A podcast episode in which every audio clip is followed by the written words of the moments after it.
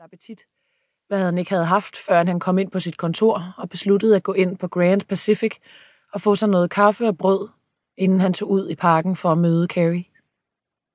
Faren var dog ikke blevet mindre, men den havde ikke taget form endnu, og for ham var ingen nyheder det samme som gode nyheder. Hvis han blot kunne få tid til at tænke sig om, så ville måske noget dukke op. Nej, nej, det ville sikkert ikke trække op til katastrofe. Han skulle nok finde en udvej.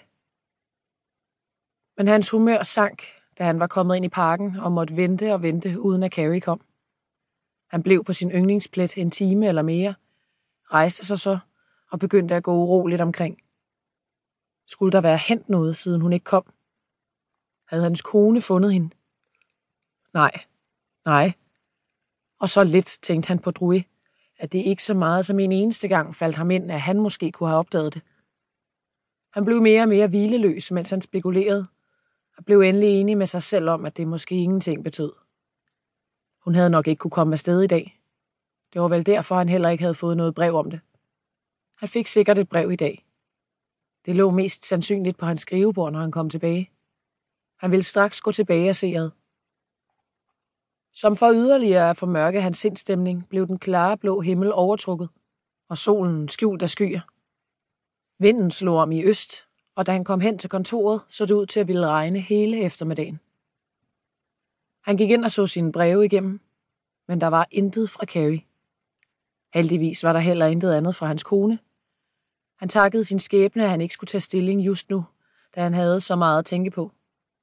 Han gik atter frem og tilbage på gulvet og opførte sig som sædvanligt, men var i al hemmelighed usigeligt fortvivlet.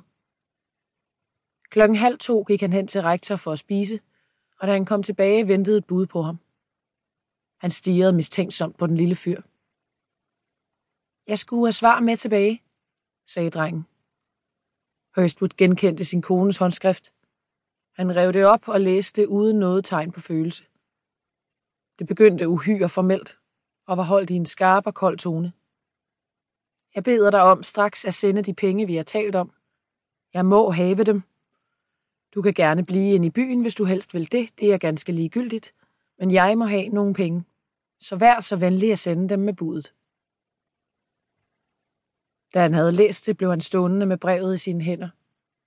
Det stressige tone tog næsten vejret fra ham. Det vagte også hans harme, den dybeste oprørstrang i ham. Hans første indskydelse var kun at skrive fire ord som svar. Gå af helvede til men han nøjes med at sige drengen, at der ikke var noget svar.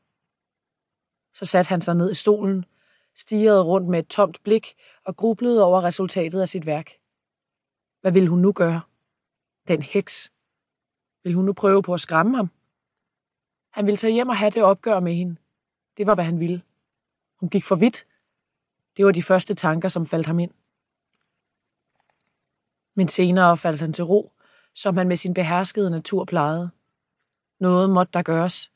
En krise hang lige over hovedet, og hun ville ikke sidde uvirksom hen. Han kendte hende godt nok til at vide, at når hun havde sat sig noget i hovedet, ville hun føre det igennem. Muligvis ville sagen øjeblikkeligt blive lagt i hænderne på en sagfører. Gid pokker havde hende, sagde han stille og sammenbit. Jeg skal gøre hende det hit, hvis hun våger. Hun skal komme til at ændre tone, selvom jeg skal bruge magt. Han rejste sig og gik hen og så ud på gaden. Dagregnen var begyndt. Fodgængerne havde smået benklæderne op og kraven op om ørerne. Hænderne var stukket dybt ned i lommerne, hvis der ikke paraplyerne var slået op. Gaden lignede en strøm af sorte, runde paraplyer, som stødte mod hinanden, drejede rundt og hoppede. Arbejdsvogne og køretøjer rullede afsted i en larmende række, og mændene på bukken søgte lys så godt de kunne men han havde dårligt nok øje for det karakteristiske gadebillede. I tankerne stod han stadig over for sin kone og forlangte, at hun skulle ændre opførsel, da han ellers ville gå over til håndgribeligheder. Klokken 4 kom en ny meddelelse, som simpelthen gik ud på, at hvis pengene ikke kom samme aften, ville hun den dag i morgen forelægge sagen for Fitzgerald og Moy og overgive den til en sagfører. Hurstwood næsten skreg over denne voldsomme tone – jo, han ville sende hende pengene. Han ville tage dem med hjem til hende. Han ville gå hjem og tale ud med hende, og det straks. Han satte sin hat på hovedet og så sig om efter sin paraply. Han måtte have en ordning på det.